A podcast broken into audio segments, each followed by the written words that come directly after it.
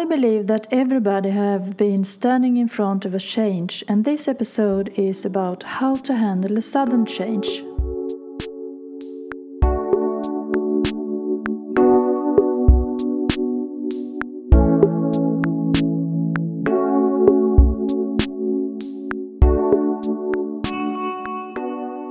Welcome to my podcast Design the Simple Life. I'm your host Ylva, and my mission is to inspire you to a simplified life.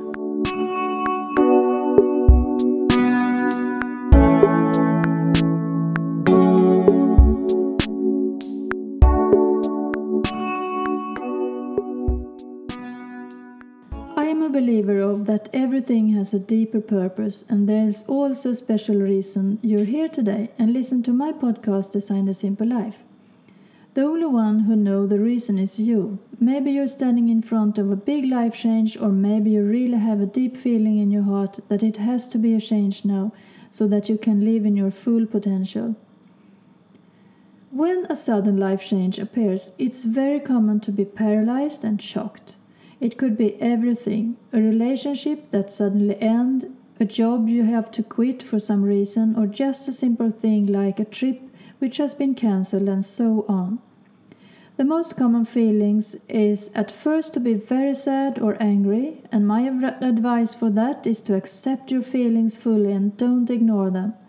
Be sad and cry for a while, that's normal and just in the process. After that first phase in a life change, your thoughts probably have been a bit clearer, and maybe you have thoughts like, Oh, I'm gonna fix this, or I'm gonna fix this too, if you have had many life changes in a short period. May you have to talk to somebody about your problems so that you don't go around and think for yourself. When you say something loud, it's easier to get an idea of what to do, and you may have the solution already. Or maybe a friend could have a good idea for you.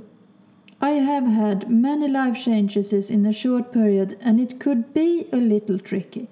But also, when you have had a couple of changes, you learn how to handle your thoughts, and that's the most important thing, I think.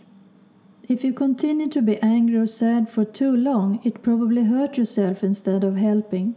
Of course, you have to cry if you can, and that's good. A sudden change isn't something you choose and also more difficult to handle comparing with a change you have decided to do. But after time, you can see why that special change was forced to come. You learn why and you grow every time your life change and you will be stronger and stronger. Believe me. When you have gone through tough times, I promise you that you will be stronger and my experiences is that you also feel happy that you made it afterwards. Sometimes the outcome isn't in the direction you have wished, but the universe is showing you the right way, I promise you. So just take it cool and go through with patience. I always think like everything is okay and everything is in order, and that works for me, even tough days.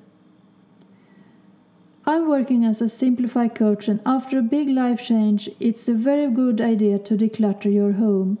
You'll feel more relieved and free without all the clutter. If you have too many things that you never use, it could be so overwhelming, and it could also be a big stress factor to have all the clutter in your home.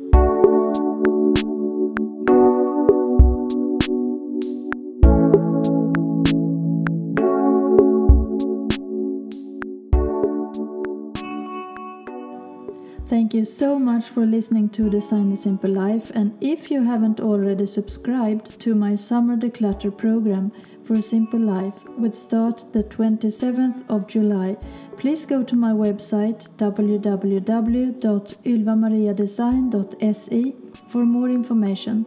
You'll find the link here in the description box, and I would love to see you inside of my program. Let this summer be the beginning to your new healthy life. Don't forget to subscribe to my channel and share it with your friends if you would like to support me and my podcast Design the Simple Life.